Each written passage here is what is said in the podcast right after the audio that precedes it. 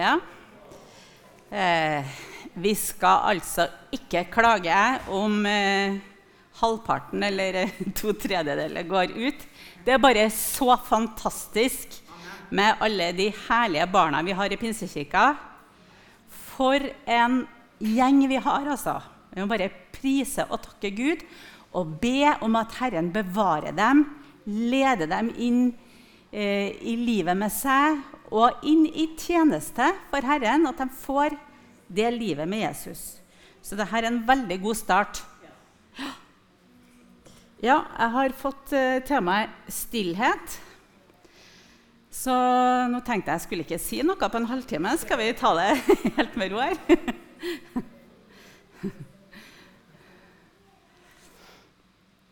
eh, nei, jeg skal, jeg skal si litt ut ifra Guds ord, og så får vi heller praktisere det når, vi kommer hjem, tror jeg. Sånn blir det. Um, det er en uh, kristen forkynner som heter Magnus Malm. Uh, han har sagt det, at vi mennesker vi har en iboende motstand mot alt som er viktig. Så det kommer ikke av seg sjøl, det som er viktig. Um, og jeg kjenner for meg sjøl noen ganger når, skal, um, når det blir stilt rundt meg, uh, ingenting skjer, så det er veldig fort gjort å ta fram telefonen for her er det alltid noe som skjer. Her kommer det meldinger. Her er det oppdatering på nyheter og på hva alle andre gjør, og filmer du kan se, alt mulig.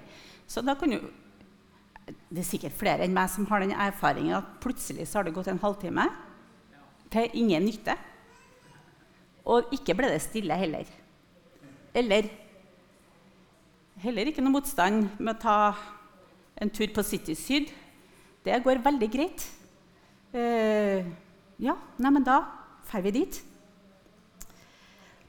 Eller når jeg skal eh, sette meg ned med Guds ord og be, så kommer det veldig mange tanker. Så nå Nei, jeg må rydde først, sånn at det er litt ryddig når jeg setter meg ned.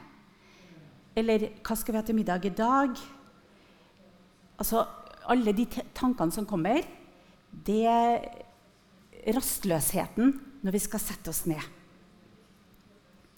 Og i tillegg eh, til alt det som du tenker at jeg skulle ha gjort, da, så kommer det også eh, ja, bekymringer. Eh, hvordan går det med elevtallet på den nye skolen vår? Eh, hvilke avtaler har jeg nå denne uka her? Eh, hvordan går det med bensinprisene? Alle de tankene som kommer. Sånn til å finne roen det er ikke så enkelt. Men er det så viktig med stillhet? Og har stillhet noe med vekst i troa å gjøre? I hvert fall så er vekst en helt naturlig ting i det kristne livet. Og for oss så er det det å skyte dypere røtter nedover i troen og det å bære frukt utover, som er det naturlige kristenlivet. Og faktisk så har stillhet noe med det her å gjøre, da. Eh, og jeg tenkte jeg skulle dele litt fra Guds ord om det eh, med stillhet. Og faktisk er det sånn at mange av Jesu lignelser de handler om stillhet. Når jeg begynte å tenke nå, så så jeg ja, Jesus var veldig inne på det her. Både for dem som enda ikke har kommet til tro, og for oss som har kommet til tro. Jesus forteller en lignelse om en ung mann som ba faren sin om arven sin. Han syntes det var kjedelig hjemme.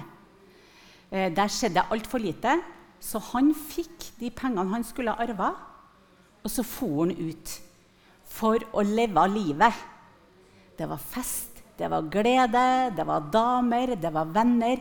Det var alt som var spennende. Til pengene tok slutt. Hvor var vennene? Hvor var gleden? Hvor var festen? Og han sank så dypt. Han hadde ikke jobb, så han måtte ta jobb som en grisepasser og få samme maten som grisene. Det står om det her i Lukas 15. Jesus sa en mann hadde to sønner. Den yngste sa til faren, 'Far, gi meg den delen av formuen som faller på meg.' Han skiftet da sin eiendom mellom dem. Ikke mange dager etter solgte den yngste sønnen alt sitt og dro til et land langt borte. Der sløste han bort formuen sin i et vilt liv. Men da han hadde satt alt over styr, kom det en svær hungersnød over landet, og han begynte å lide nød. Da gikk han og søkte tilhold hos en av innbyggerne der i landet, og mannen sendte ham ut på markene sine for å passe grisene. Han ønsket bare å få mette seg med de belgfruktene som grisene åt, og ingen ga ham noe. Da kom han til seg selv og sa, 'Hvor mange leiekarer hjemme hos min far har ikke mat i overflod, mens jeg går her og sulter i hjel?' Jeg vil bryte opp og gå til min far og si, 'Far, jeg har syndet mot himmelen og mot deg.' Jeg fortjener ikke lenger å være sønnen din, men la meg få være som en av leiekarene dine. Dermed brøt han opp og dro hjem til faren. Når det ble stille rundt den mannen her, så kom han til seg sjøl. Da så han livet sitt, og han tenkte jeg har jo forspilt alt. Jeg kasta bort alt. Og den, den stillheten, den nøden der, den er ofte nødvendig for mennesker for at de skal vende om og søke hjem til far. Og det var det han gjorde. Når han kom til seg sjøl, så bestemte han seg jeg vil gå hjem til far. Og de av oss som kjenner historien, vet at far han var klar til å ta imot. Han sto og venta på han. Sånn er Gud mot alle mennesker. Og faktisk så kan det være sånn for oss troende noen ganger òg at vi må komme til oss sjøl. Vi er så fulle av ting at vi må komme til oss sjøl for å venne oss til vår himmelske Far. Ja. En annen lignelse som Jesus forteller, det er om de fire slags såjord. eller de fire slags jordsmonn. Og når jeg begynte å tenke på den lignelsen her, så ser jeg at den her handler jo faktisk om det å være stille for at noe skal kunne gro. Hør, sa han. En såmann gikk ut for å så. Og da han sådde, falt noe ved veien, og fuglene kom og tok det. Det ble ikke noe vekst der. Noe falt på steingrunn hvor det var lite jord, og det skjøt straks i været, for jordlaget var tynt.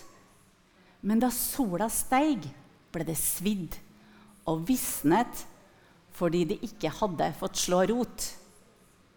Noe falt blant tornebusker, og tornebuskene vokste opp og kvalte det, så det ikke bar frukt. Men noe falt i god jord det skjøt opp, vokste og bar frukt. Eh, noe eh, 30, 60, ja 100 ganger det som ble sådd. Han sa, 'Den som har hører og hører med, hør.' Dette står i Markus 4. Og Jesus han forklarer ligninga til eh, disiplene sine etterpå, for de spør hva betyr dette her. da?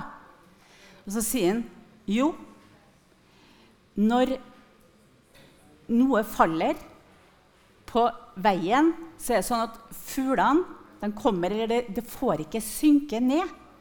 Sånn at Guds ord det ble tatt bort ifra dem. Og enten det er en sånn bilvei dere ser det kan ikke gro mye her, eller også om det er en kjerrevei, så er det ikke der kornet får gro. For der er det, der er det trafikk. Der er det ting som går gjennom tankene. Så Guds ord det får ikke til å slå rot i oss. Og djevelen han er da kjapp med å ta det vekk. Eh, og da kan vi tenke på det som jeg var inne på i sted. Altså Alle de inntrykkene som kommer fra media, fra telefonen, fra alt det som vi møter i hverdagen. Eh, hvis det er sånn eh, jordsmonnet vårt er, så har det ikke sjans til å gro. Og noe falt på steingrunn, og det vokste fort opp, sa Jesus. Men de hadde ikke rot. Så når det kom motstand, når det kom forfølgelse, og det Jesus lovte oss at det kommer, så visna det. For røttene var ikke i stand til å suge opp næring, som er det ordet som Gud har planta i hjertene våre, eller som han har sådd så rikelig ut. Men det, det var for grunt. Det var ikke kommet ned i et godt jordsmonn. Og noe falt blant torner.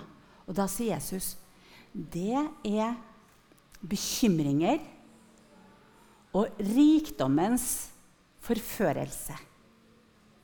Det kan kvele Guds ord i livet vårt. Eh, og jeg tror dette er et veldig viktig ord for oss som bor i Norge. Det med rikdommens forførelse. Altså, Vi trenger ikke så mye, for vi har da alt. Og, og Her om dagen så hadde jeg bursdag, og jentene mine spør eh, mamma, eh, hva ønsker du deg. Jeg prøver å tenke nei, jeg, jeg, trenger da ingenting. For hvis jeg trenger noe, så går jeg og kjøper det. Sant? Så jeg har, har, ingen behov. Og noen ganger så er det sånn Å, eller Nei. Nei, nå har Nei, se på den flotte plenen til naboen, da. Nei, men nå må vi få oss en like fin plen. Nei, har de bytta kjøkken? Nei, men da, da må vi bytte kjøkken. Å, nei. Nei, så fin bil han har. Burde ikke jeg ha det? Og så må vi kanskje jobbe litt mer, da for å få råd til alle de tingene her som vi kan kjøpe. Og jeg sier ikke det er noe galt å kjøpe seg en ny bil, og heller ikke å bytte kjøkken. Gjort det sjøl. Eh, men hvis det er der hjertet vårt er, og tankene våre er, da får ikke Guds ord plass i hjertet. Eller bekymringer. Hvordan skal det gå med? Hvordan går det med det? Hvordan går det med det? Og vi kan ta så mange sorger på forskudd. Sant? Og Jesus han sa det. Hver dag, altså det, det, er, det er utfordringer i livet, men sa hver dag har nok med sin egen plage. Jeg må ikke ta alle sorgene på forskudd. Det ene er at noe blir det ikke noe av av det vi bekymrer oss for. Eller når det slår inn, det onde, så må vi likevel ta det da. Sånn? Men hvis det er der tankene våre er, så blir det for trangt til ordet i livet vårt. Men så sa Jesus Noe falt i god jord. Det fikk ro, det fikk fred, det fikk vann, det fikk sol og lys og varme. Og kornet vokste opp. Og det er også her vårt ansvar kommer inn. For det er aldri noe galt med såkornet. Såkornet, det har spirekraft i seg. Guds ord. Men hvordan er den jorda det faller i? Og det er vårt ansvar å sørge for at det er et jordsmonn som Guds ord kan få lov til å gro i. Og da er vi nødt til å rydde bort torner og tistler. Det må få komme i ei jord som er djup, så det kan slå røtter og få lov til å vokse. Og da og det heller, jeg må bare si, Denne såmannen her han er veldig raus. Han går jo ikke sånn liksom man skal slappe av det her, han. Nei, han strør ut overalt. Og da kommer noe på veien og noe blant torner. Men også i den gode jorda. Så det er rikelig med Guds ord. Og vi som bor i Norge, vi har sånn tilgang til Guds ord. Og så er det det som er fantastiske med det kornet her, med det såkornet. Det bringer frukt når det faller i god jord. Noen ganger 30 ganger så mye, noen ganger 60 ganger så mye, noen ganger 100 ganger så mye. Det blir en rik høst når ordet får rom, og ordet får plass i våre hjerter. Det må få ro til å vokse. Og folkens, da må vi av og til slå av telefonen eller legge den på et annet rom. Vi må det, altså. Og vi må gå litt for oss sjøl. Og vi må lytte.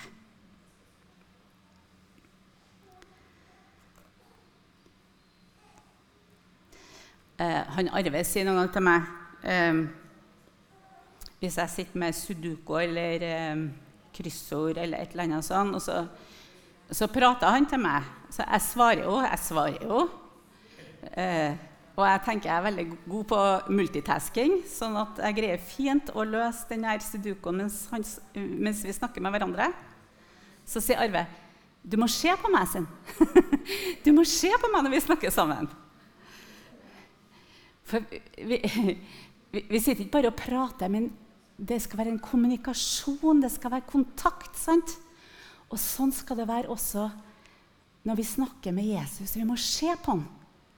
Vi må være sammen med ham. Vi kan ikke bare holde på med alt mulig. Så Jesus sier ja, da, jeg hører ordet ditt, liksom, men nå har jeg det på, på øret her, så jeg hører jo veldig bra. Men, men jeg er egentlig veldig opptatt med alt mulig annet.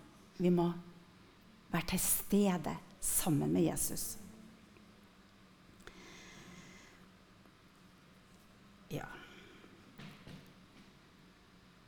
Jeg har et veldig fint bilde her.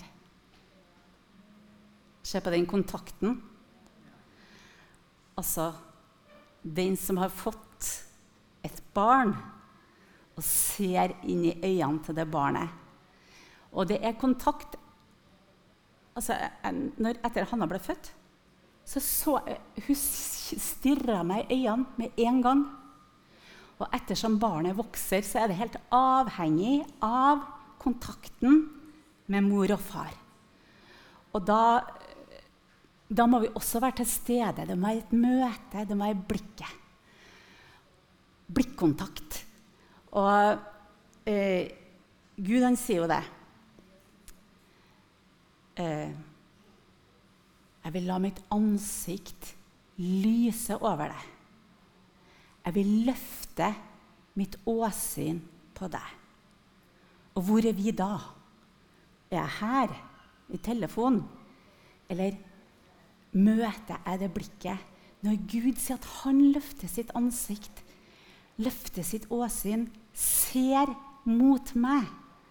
Da må jeg vende blikket. Og dette det er faktisk et valg som jeg må gjøre. Jeg må vende blikket mot han, sånn at han også får se mitt ansikt. Og jeg kan få lytte til det han sier til meg. Og rent praktisk, da Hvordan finner jeg stillheten? Og jeg prøver ikke å si at ja, her, nå tar det den profesjonelle. Ikke, ikke, ikke tenk det engang. Eh, men jeg har lært noen ting. Eh, mens jeg gikk på videregående, så bestemte jeg meg for at jeg må ta litt tid om morgenen til å lese Guds ord og be. Og det har jeg i mer eller mindre grad gjennomført gjennom hele livet. Å ta litt tid hver morgen og lese Guds ord og be. Og dermed så det, det, er sikkert mange her som har opplevd det her, at når vi leser i Bibelen, plutselig så er det et ord som bare hopp, det hopper ut. Det tar det til meg direkte der og da. Og det er Den hellige ånd som gjør ordet levende for oss. Men det er ikke så lett for Gud å få gitt oss det hvis vi ikke, hvis vi ikke er i ordet. Så derfor så det å ta en liten stund hver dag Og da vil jeg si um, Det er veldig fint med en time om morgenen.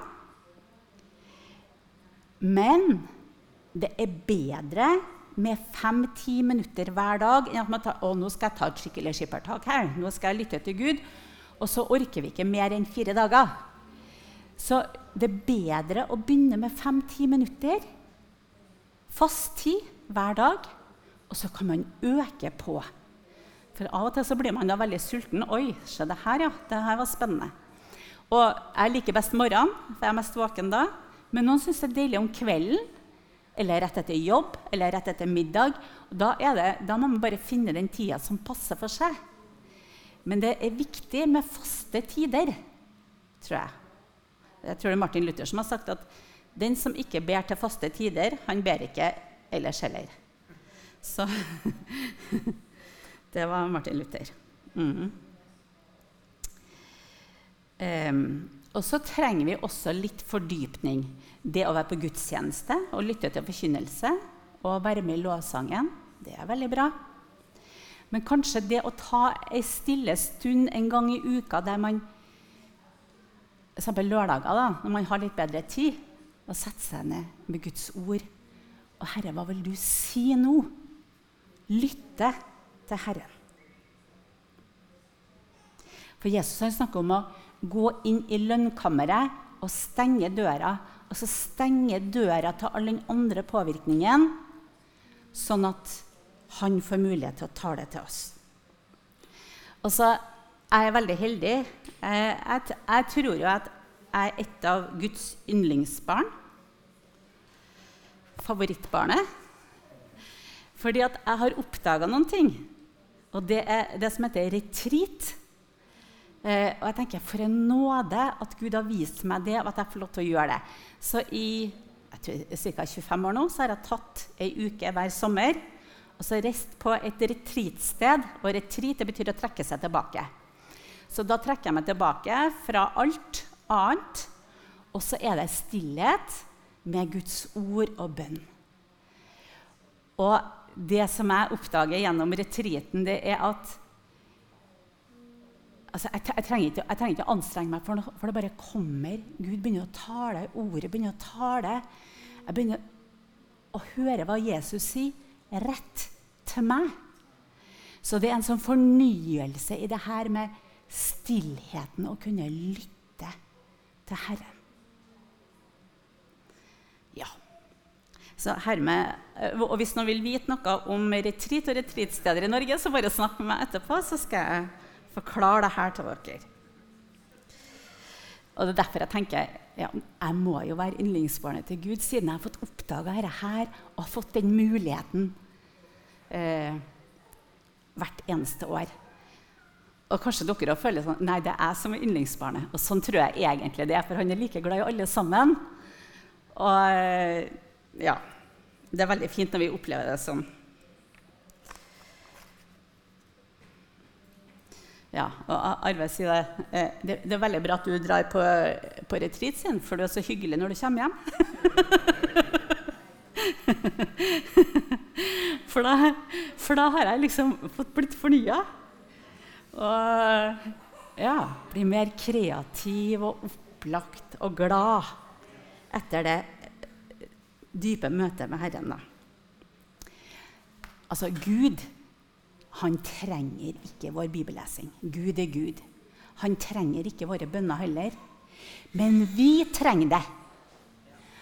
Fordi at når vi tar den stille tida, så får Gud mulighet til å tale til oss. Han kommuniserer, han. Og så når vi lytter, så gjør det noe med oss. Og Det samme med bønn. Gud vet jo hva vi trenger før vi ber men det åpner oss for bønnesvaret. Ja, nå skulle jeg egentlig ha skifta bilde her. Bønn og stillhet. Eh, Jesus han var jo sann Gud og sant menneske. Og han han tok tid med Gud. Han søkte stillheten. Han gikk opp i fjellet og var alene hele natta og ba. Og når han var ute med eh, folk, så sa han jeg gjør ingenting av meg selv. Jeg gjør bare det far sier jeg skal gjøre. For at han hadde søkt stillheten og lytta til far. Så han visste hva han skulle gjøre. Og da tenker jeg hvis Jesus trengte det, da trenger i hvert fall vi det. Ja. Å være sammen med Gud. Det er kanskje den aller, aller viktigste kilden til vekst. Og det vi skal vokse i, det er nåde og kjennskap til Jesus. Og så skjer det noe automatisk. da. Det er den der frukta som kommer som er til glede for dem rundt oss. Som vi kanskje ikke ser sjøl, men andre får ta imot den frukta som kommer ut ifra den kilden som bor i oss. Ja. Kjære Gud.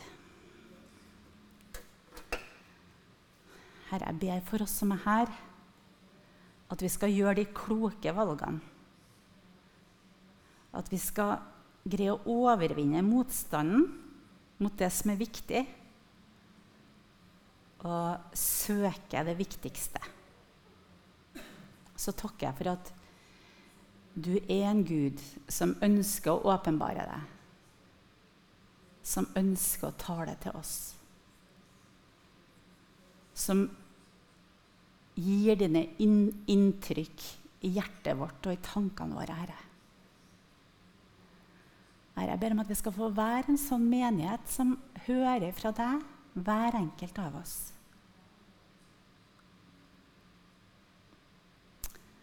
Herre, vi ber om din nåde og din hjelp. Amen.